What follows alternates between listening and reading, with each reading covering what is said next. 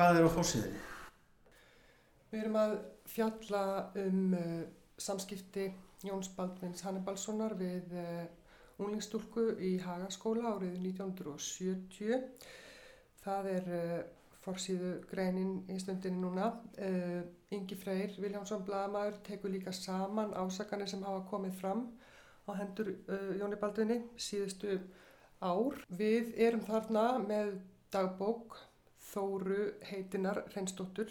Einmitt. Að ég fætt sko í lók ágúst og ég er kannski meir en þryggja mánu. Gætir alveg verið þarna 5-6 mánuða sko. Já. Bara, ég heiti Valgerður Þórsdóttir, mamma var Þóra Reynsdóttir. Uh, Við erum að tala saman út af þessum fundi hérna. Uh, það eru sem sagt, dagbækur og bref, brefaskriftir uh, milli mömmu og Jóns Baldurs þegar hún er bann. Um, mér finnst mikilvægt bara að það komi í dagsljósið. Við erum að fjalla um það sem fram kemur og það sem hún er að skrifa og þetta er náttúrulega dýrmætt heimild, dagbækur eru það, sjóður atvika eins og sagt er í fræðigrein sem við, við minnumst á í, í hérna blæðinu. Um, þannig er hún að lýsa sem sagt samskiptum sínum við uh, Jón Baldvin Hannibalsson eða kannski snúið við samskiptum hans við hana, skulum við segja. Hann er 31 árs kennar í Hagaskóla, hún er 15 ára nefndans. Ég, sko, ég tók það ákvörðan að taka þetta í tímaröð til þess kannski að lesandin gæti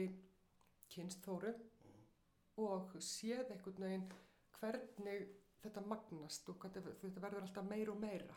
Fyrst er þetta aukkotur, svo er þetta snerting og svo verður þetta miklu meira en því sko. Og síðan líka bara sína hvað hún brotnar á leiðinni. Svo þegar að uh, ég var rauninni búin að skrifa greina og hún var tilbúin og ég ringi í Valgerði dóttur uh, Þóru heitinar þá hérna og til að svona aðeins að fara yfir það sem ég ætlaði að hafa eftir henni eins og maður gerir klára það, hálftíma setna ringir hún aftur og þá hafði hún sem sagt farið niður í geimslu og, og fundið annan kassa og uh, svona leður möppu þar sem í voru enn fleiri gögn þar á meðal bref frá Jóni Baldvin Hannibalsinni sem að hann skrifar henni 30. april 1970 Ég vissi af bréfinu og ég var búin að vera, þú veist, ég var alltaf búin að vera að segja, sko, við Margréti bara eitthvað, bara, ó, ef maður myndi finna þetta bréf og ég var búin að vera að fara í gegnum alls svona eitthvað gamalt drasl, þú veist, ég fekk bara svona eitthvað random kassa og hérna, síðan, sko, mér dreymir, ég ætla að setja sæli, sko, síðan,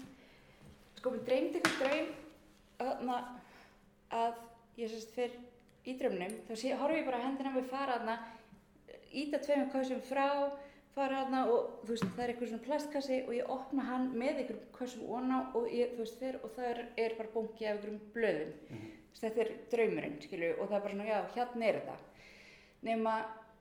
að því að þú veist þetta var svona fara að stað skilju eða það með dagbækunar og svona að þá hérna var ég bara eitthvað æg ég er bara eitthvað komið með þetta heilan og vill ekki þetta þú veist pæli í þessu svo var Margrét aðeins svona að lesa yfir og þá bara kemur þetta bara svona poppar upp stanslaust bara þessi mynd, bara einhvern veginn íta þessum kassum og eitthvað þannig að ég bara, ok, þú veist, bara um leið ég er búin að skella á hana, þá hleypi ég niður, ég er á fjórðahæðu sko, ég hleypi niður í kjallara alveg bara íta þessum kassum frá þú veist, og hérna fyrst næði einhvern plastboka, síðan, síðan kemur bara, þú veist, þetta, þetta hér, þú veist, þetta hérna þessi rosa lifirmappa hérna Aha. Ég opna þetta og ég bara eitthvað svona, já ok, þú veist, þetta er eitthvað einhvernaflegur hagaskóla, bara um þetta tímabil og svo bara eitthvað, þú veist, bara svona rétt fletti þessu, þá bara brefið, bara eitthvað, þú veist, Þóra Reynsdóttir, ég bara, þetta, þú veist, þetta er eitthvað bref, ég, ég kíki og það er bara eitthvað, já, ég siti hérna og býð eftir að komast að hjá bankastjóra að því að, að, að Margrét hefði eftir vinkonum með mig, að hann hefði verið að býð eftir, þú veist, tíma hjá bankastjóra. Þannig að ég var nýbúin að heyra það, svo bara eitthvað kikið á brefið og það er það fyrsta sem stendur í brefinu. En ég, ég var einmitt búin að segja líka við Margrét, ég er bara með skrítið að mér sé ekkert búið að dreyma mömmu, þú veist, ég veit ekki hvað henni finnst um þetta einhvern veginn, þú veist. Hvort að hún sé, þú veist, ég, bara, ég reikna alveg með að hún myndi segja bara, æ, ekki vera að þessu, eða, þú veist, bara, já, þetta er, þetta er ok, skilur ekki eitthvað þannig, sko. En þá bara þessi draumur, það var einhvern veginn bara svona nákvæmlega hvar,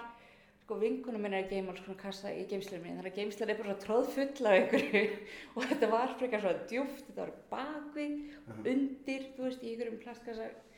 Þannig að, já, Heldur að mamma henni hafi þá verið að svara núna hvernig á þetta allt saman með því að gera þetta? já, já, eða þú veist, ég tólkaði þannig, ég veist, þetta var bara,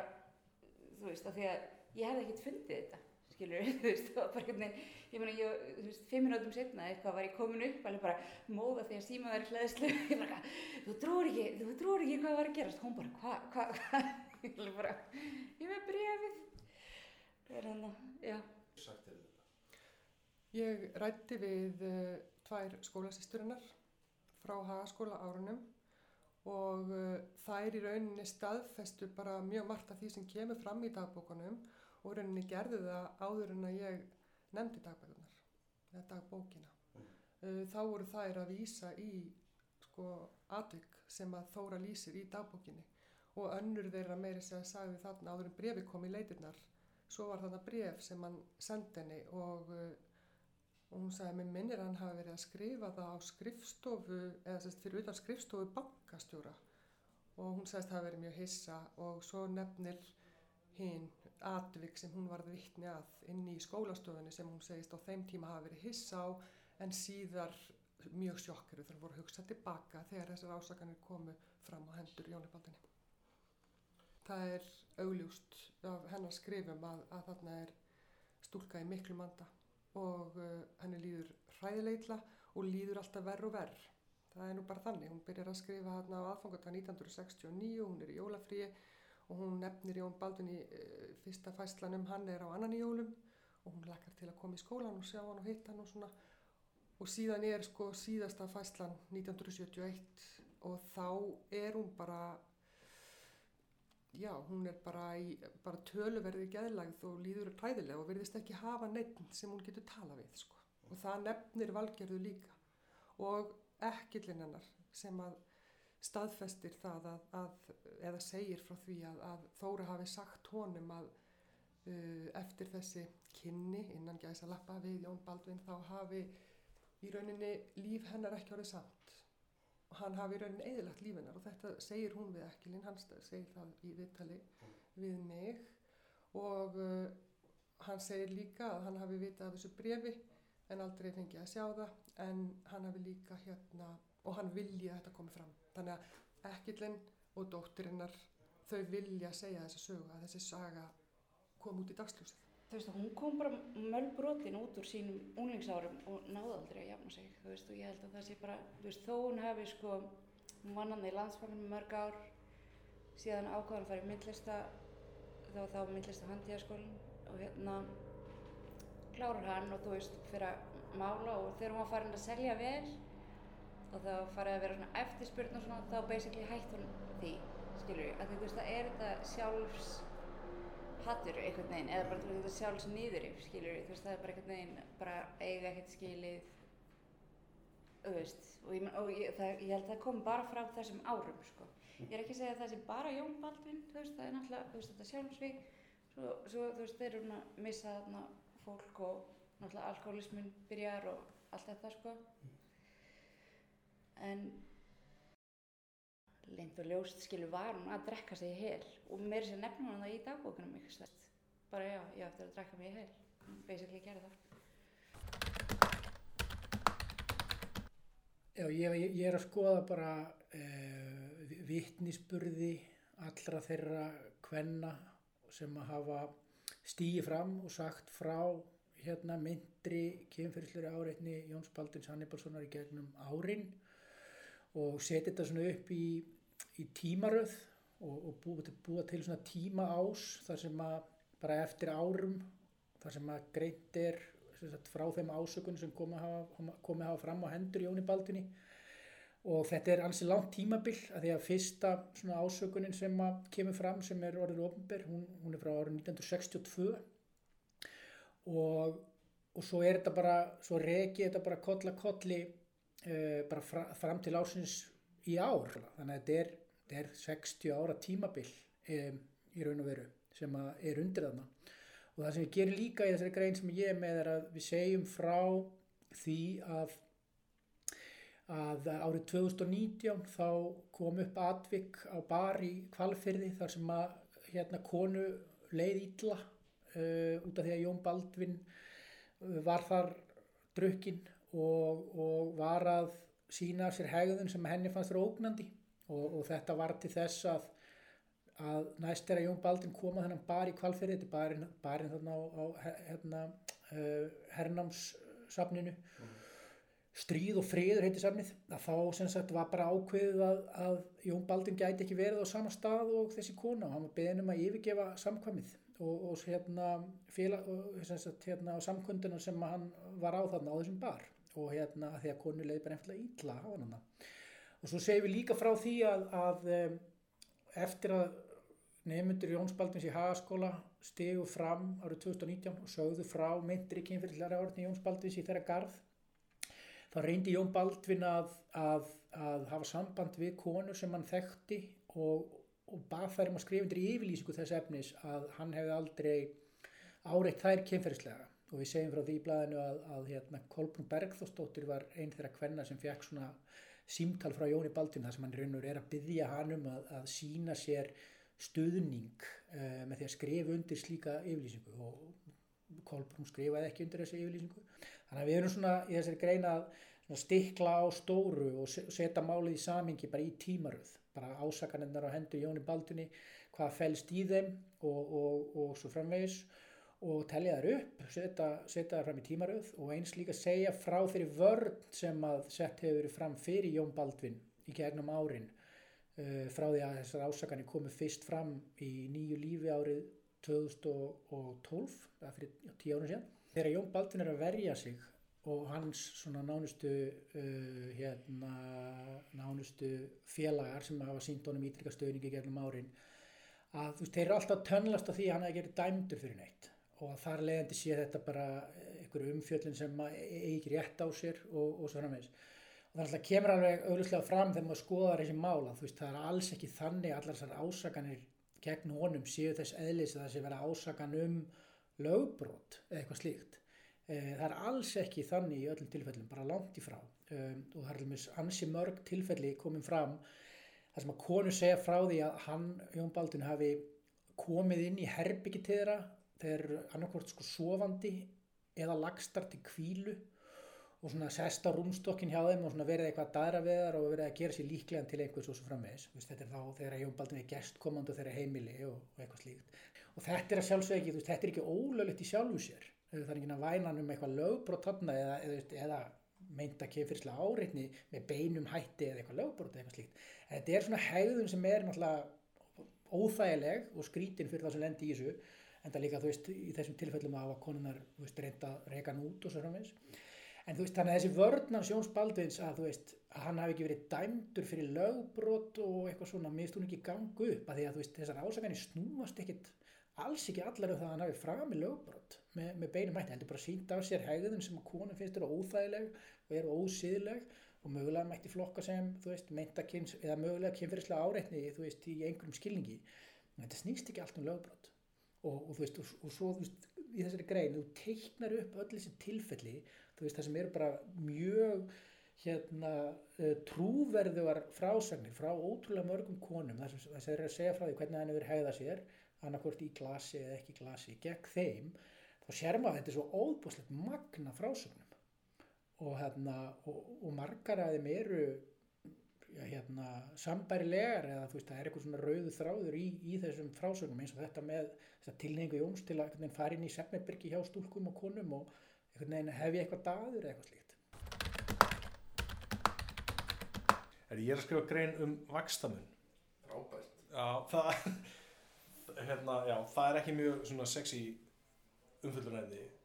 og er, hérna, ég þarf að passa mig að vera ekki að skrifa skýslu sem að þú getur einhvern veginn sótt á vef hagstofunar eða eitthvað líka. En þetta er svona alveg alvöru mál að því leiti að, að hérna,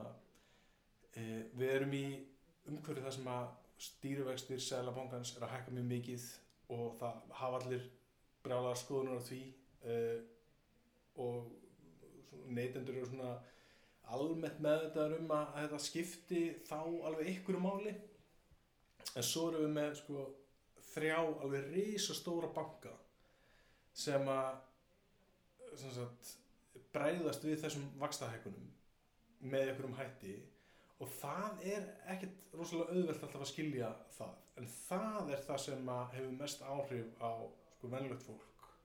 Hvernig bankarnir bregðast við. Og það sem að gerist eins og þetta þegar stýrivestir selabankars fara að hækka að þá bregðast bankarnir við.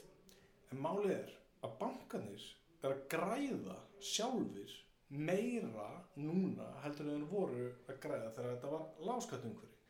bankarnir verðast vera Lágvaksta umhverju. ég get ekki náðu þessu rétt lágvaksta umhverfi að því að bankarnir eru að hækka vextina til neytenda meira heldur en vextir á þeirra lánum sem að þeir taka til að fjármagna sig hækka. Og, og bankarnir náttúrulega stíga fram og segja bara þetta er bara hluti af því að reyka banka og þetta er að maður á ekki að horfa á þetta til svona skamstíma heldur og skoða vaxtanum til lengri tíma og sko bara svona einn kaldi sannleikur er sá að vextir til okkar neytenda hafa hækkað meira heldur en vextirni sem að bankarnir þurfa að borga. Og vaksta munun hefur aukist. Og það er áhugavert að skoða þetta í, í svona sögulegu samingi það, það er það sem að bankarnir vilja að við gerum og við horfum langt fram í tíman en við horfum líka aftur í tíman árin eftir hrun var þetta sérstaklega fyrirfærið mikil umræða. Og þá þótti vakstamurinn vera alveg bara fram úr öllu hófi. Þá var hann í kringum 3% sem sagt munurinn á, á því sem að vext, vexta gjöldum bankana og vexta tekjum Mhm. og samtök aturlífsins þau letu hagdeldina sína til dæmis skoða þetta. Þau hagdeldin sagði bara að þetta er ótrúlega mikið af hverju skildi þetta vera svona? Og svo það eru aukstuð af hverju þetta var svona? Uh, samtök fjármálafyrirtækja hafa líka talað um að þetta sé rosalega mikill vakstamunur en þá var vakstamunurinn engu að síður lægri heldur hann er orðin í dag. Munurinn er, er minnstur hjá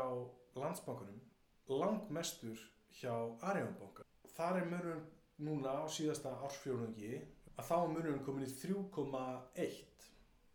prósent. Og, og hann er búin að vera það allt þetta ár munur. Og í svörum Arjónbanka þar kemur einfallega fram að jú, hann hefur sveiflast þessi vakstamunur en það er markmið bankans að hafa vakstamunur 3% og það er talsveit meira heldur en að vakstamunurinn hefur verið hérna síðustu ár og það er miklu meira heldur en bankar á sambarilegri stærð á Norðurlöndunum hafa. Þetta verðist bara vera raunveruleikin sem við eigum að búa við á Íslandi að, við borgum meira fyrir lánun okkar heldur en neytendur annar staðar. Þetta er, þetta er álagning á vöru sem er verið að selja. Svo þetta eru peningar. Já, það hefur verið í gangi hjá þessum böngum núna að þeim hefur sko gengið betur heldur en áallan að gera ráð fyrir. Og Íslandsbanki sem er svona ekki alveg 50-50 en svona næstum því eigu ríkisins og uh, fjárfesta, enga fjárfesta og lífyrirsjóða uh, að þar hefur verið sko sérstaklega unnið að því og sérstaklega talað um það í þessum ársfjörnungsuppgjörum að það verið að draga úr kostnaði við að reyka bankan og treysta meira á tekjur af reglulegri starfsemi. Og það er vakstamunurinn og þóknunartekjur eða þjónustutekjur. Það er þú, þú, veist, allt sem hún borgar fyrir að gera í bankan núna á síðasta ársfjörungi mér er ekkert að takast mjög vel að gera þetta ekki að skýslu en allavega á síðasta ársfjörungi þar voru sko tekjur bankans á reglulegu starfsemi 98% komu frá þessum tveimur tekjustólum það er vakstamurunum og þóknunartekjum og ef þú ætlar að slíta þessa í sundur og greina það að þá er megnið af tekjunum tilkomið út af þessum vakstamun og þetta gengur svo vel hjá bankanum að kostnæðurinn við að reyka bankan er minni heldur en stemt var að og hagnaðurinn af reksturinnum er meiri heldur en markmiðin voru. Og fyrir vikið að þá er bankin búin að hækka viðmiðið sitt um hvað hann ætlar að græða mikið í ár. Og þetta er það sem að Arjón banki hefur líka gerst á undanfjörnum missurum er að hækka markmiðið sitt um hvað hann ætlar að græða mikið og hvað hann komið tekið þar jú, frá þessu Merkilegt. merkilegt Skýrsla starfsópsins sem að uh, rannsakaði hvort að börn sem voru vistu á meðferðarheimilinu lögandi uh, hefði verið beitt ofbeldi eða illri meðferð. Hún kom núna fyrir hálfu mánuðið það bil, loksins. Það eru 20 mánuðir síðan að við á stundinni ég og, og Margrét Martinsdóttir byrjuðum að fjalla um uh, sögur þessara stúlkna sem að þarna voru vistaðar. Og við höfum uh, rakið þetta mál um, síðan þá með hljöfum og í skýslunni kemur fram að börn sem að þarna voru vistu voru beitt kerfisbundnu andlu ofbeldi sem fyrst og fremst var af hálfu Ingjalds Artórssonar sem var fórstuðumæður heimilisins á árunum 1997 til 2007 þess tíma sem rannsóknin tekur yfir. Og það er bara ótrúlegt að sjá sko vittnisspurðin sem að er tilgreindur í þessari skýslu það er gripið niður í uh, frásagnir þeirra sem að, að, að voru þarna vistuð langflestum tilvægum stúlkur uh, fimm eða sex tilvægum drengir og það er bara það er mjög sláandi að, að, að lesa upp úr uh, þeim vittnisspurði sem þau veittu fyrir nefndinni á mjög margan hátt meðal annars hvað þetta er allt saman keimlík hegðun. Það er lýsa því að hafa verið druslu skammaður út í eitt. Það er lýsa niðurbroti, það er lýsa því ítrekkað að yngjaldur hafi sko talað ítla um foreldra þeirra, sagt að þau væru fyllibittur, glæpamenn, óhæfur foreldrar og vildu ekkert með stúlkurnar hafa. Þannig að mér finnst sko augljóst svo niðurstað að þarna hefur um kerfisbundi andlegt ofbeldi að ræða. Hins vegar er ekki komist að þeirri niðurstöðu í skýslunni að þarna hafi verið um alvarlegt eða kerfisbundið líkamlegt ofbeldi að ræða. Og það kemur tölvört óvart vegna þess að af 34 sem komið í viðtöl greina 14 frá því að hafa verið beitt líkamlegt ofbeldi og 11 til viðbótar greina frá því að hafa vorið vitnast líku ofbeldi. Og það er oft mjög alvarlega lýsingar, til dæmis í tvígang er greint frá því að yngjaldur þessi hafi tekið stúlku þarna kverkatak. Kverkatak er bara, getur verið lífshótandi uh, líkansárós og er, þannig er það nálgast fyrir domstólum ef það til kemur. Þannig að það sannast sagna kemur mér tölvört óvart og ég veit að stelpunar, margar hverjar, því ég hef rætt við þær, eru afskaplega óanæðið með það miðustu. En það er þessi skilgreining uh, á því hvað er kerfisbundið að þegar að 25 af 34 lýsa ofbeldi, annars vegar að hafa vitnaða og meiri hlutin að hafa orðið fyrir því, það duga nefndin ekki til að tala um það sem kerfisbundið. Nei, og ekki alvarlegt heldur. Það er eiginlega líka það sem mér finnst stór merkild vegna þess að sko lýsingarnar eins og einhvers konar ofbeldi. ofbeldi gagvart börnum í þinni umsjá sé ekki alvarlegt. auðvitað, sem eru þetta kannski fyrsti útgangspunktum sem ætti að taka en sko lýsingarnar eru líka með þeim ætti ég, nefndi kverkatak á hann ég meina það er sko ítrekk og í því munstur. Tala um það að stelpum þá maður hafi verið hennuð stiga. Dregnar á hárinu, slegnar. Ég ég furða mig satt að segja á því að nefndin hafi ekki haft hugrekki til þess að, að, að lýsa því kvitt og klárt yfir að, að, þarna hafi verið um alvarlegt og kerfisbundi líkanar doppelt að ræða. Eh, Þú ert búin að, þið margir hafið fjallað um þetta byrjun og þú ert búin að uh, já, skrifa já, ótilhandi fréttir um þetta síðan og fylgja þess eftir. Er, er niðurstaðan uh, hjá nefndinni, er hún utan þessa furðulegu skilgreiningu leiti, er, er hún í samræmi við það sem að þið fjalluðu fyrst eða er þetta Er það, er það tegnast upp alvarlegri mynd eða? Við gerðum okkur held ég grein fyrir því mjög fljótt að þarna hefði verið mjög, þetta væri mjög alvarlegt. Þetta hefði verið mjög alvarlegt og það hefði verið brotið mjög harkalega á uh, þessum stúlkum sem að þarna voru vistar og, og drengjum í einhverjum tilfellum. þannig að það má kannski segja að það sé ekki að teknast upp alvarlegri mynd en hún sýnir samt þessi skýrsla umfangið hvað það var sko, hvað þetta var gríðarlega mikið af 34 börnum sem að, eða 34 manneskum sem voru þarna vistu sem börn sem að, sem að komi til vitasvinnendina allt í allt voru uh, 65 börn vistuð á þessum meðfæra heimila á þessu 10 ára tímbili af þessum 34 þá lýsa 30 andlegu ofbeldi andlegu uh, niðurbroti, harðræði illu umtali. Þannig að augljóslega